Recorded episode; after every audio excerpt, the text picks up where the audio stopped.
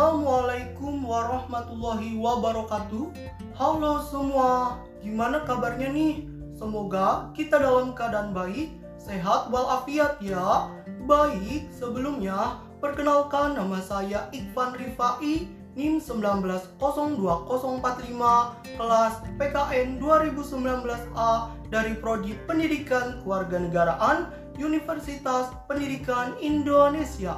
Nah, pada kesempatan podcast kali ini, saya akan menjelaskan materi pembelajaran pendidikan Pancasila dan kewarganegaraan untuk kelas 8 yakni pada bab 3 memaknai peraturan perundang-undangan yang mana nomor KD-nya yaitu 1.3, 2.3, 3.3, dan 4.3. Baik, langsung saja saya akan menjelaskan mengenai makna tata urutan peraturan perundang-undangan di Indonesia. Nah, menurut Undang-Undang Nomor 12 Tahun 2011, peraturan perundang-undangan yaitu peraturan tertulis yang memuat norma hukum yang mengikat secara umum dan dibentuk atau ditetapkan oleh lembaga negara atau pejabat yang berwenang melalui prosedur yang ditetapkan dalam peraturan perundang-undangan. Kemudian, tata urutan peraturan perundang-undangan mengandung makna bahwa peraturan perundang-undangan yang berlaku memiliki hierarki atau tingkatan. Adapun jenis dan hierarki peraturan perundang-undangan di Indonesia sesuai pasal 7 Undang-Undang Nomor 12 Tahun 2011 tentang pembentukan peraturan perundang-undangan yaitu pertama, Undang-Undang Dasar Negara Republik Indonesia tahun 1945 merupakan hukum dasar dalam peraturan perundang-undangan. Kedua, ketetapan Majelis Permusyawaratan Rakyat adalah putusan majelis yang memiliki kekuatan hukum mengikat ke dalam dan keluar majelis. Ketiga, undang-undang atau peraturan pemerintah pengganti undang-undang. Undang-undang adalah peraturan perundang-undangan yang dibentuk oleh DPR dengan persetujuan bersama Presiden dan peraturan pemerintah pengganti undang-undang adalah peraturan yang ditetapkan oleh presiden dalam hal ihwal kegentingan yang memaksa. Keempat, peraturan pemerintah adalah peraturan perundang-undangan yang ditetapkan oleh presiden untuk melaksanakan undang-undang sebagaimana mestinya. Kelima, peraturan presiden adalah peraturan perundang-undangan yang ditetapkan oleh presiden untuk menjalankan perintah peraturan perundang-undangan yang lebih tinggi.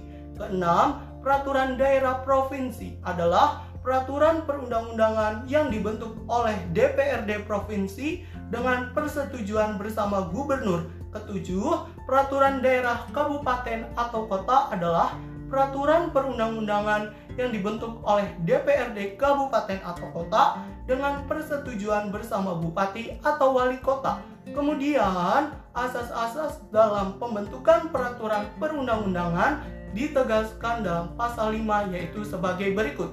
Pertama, kejelasan tujuan adalah bahwa setiap pembentukan peraturan perundang-undangan harus mempunyai tujuan yang jelas yang hendak dicapai. Kedua, kelembagaan atau organ pembentuk yang tepat adalah setiap jenis peraturan perundang-undangan harus dibuat oleh lembaga negara atau pejabat pembentuk peraturan perundang-undangan yang berwenang. Ketiga, kesesuaian antara jenis, hierarki, dan materi muatan adalah bahwa dalam pembentukan peraturan perundang-undangan, pembuat harus benar-benar memperhatikan materi muatan yang tepat sesuai dengan jenis dan hierarki peraturan perundang-undangan Keempat, dapat dilaksanakan adalah bahwa setiap pembentukan peraturan perundang-undangan harus memperhitungkan efektivitas peraturan perundang-undangan tersebut di dalam masyarakat baik secara filosofis, sosiologis maupun yuridis. Kelima, kedaya gunaan dan kehasil gunaan adalah bahwa setiap peraturan perundang-undangan dibuat karena memang benar-benar dibutuhkan dan bermanfaat dalam mengatur kehidupan bermasyarakat, berbangsa, dan bernegara. Keenam, kejelasan rumusan adalah bahwa setiap peraturan perundang-undangan harus memenuhi persyaratan teknis penyusunan peraturan perundang-undangan, sistematika, pilihan kata atau istilah, serta bahasa hukum yang jelas dan mudah dimengerti.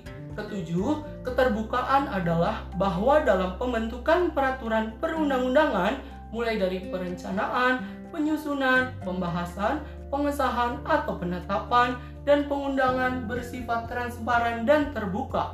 Selanjutnya, ditegaskan dalam pasal 6 bahwa materi muatan peraturan perundang-undangan harus mencerminkan asas sebagai berikut yaitu pengayoman, kemanusiaan, kebangsaan, kekeluargaan, kenusantaraan, bineka tunggal ika, keadilan, kesamaan kedudukan, ketertiban dan kepastian hukum serta keseimbangan, keserasian dan keselarasan.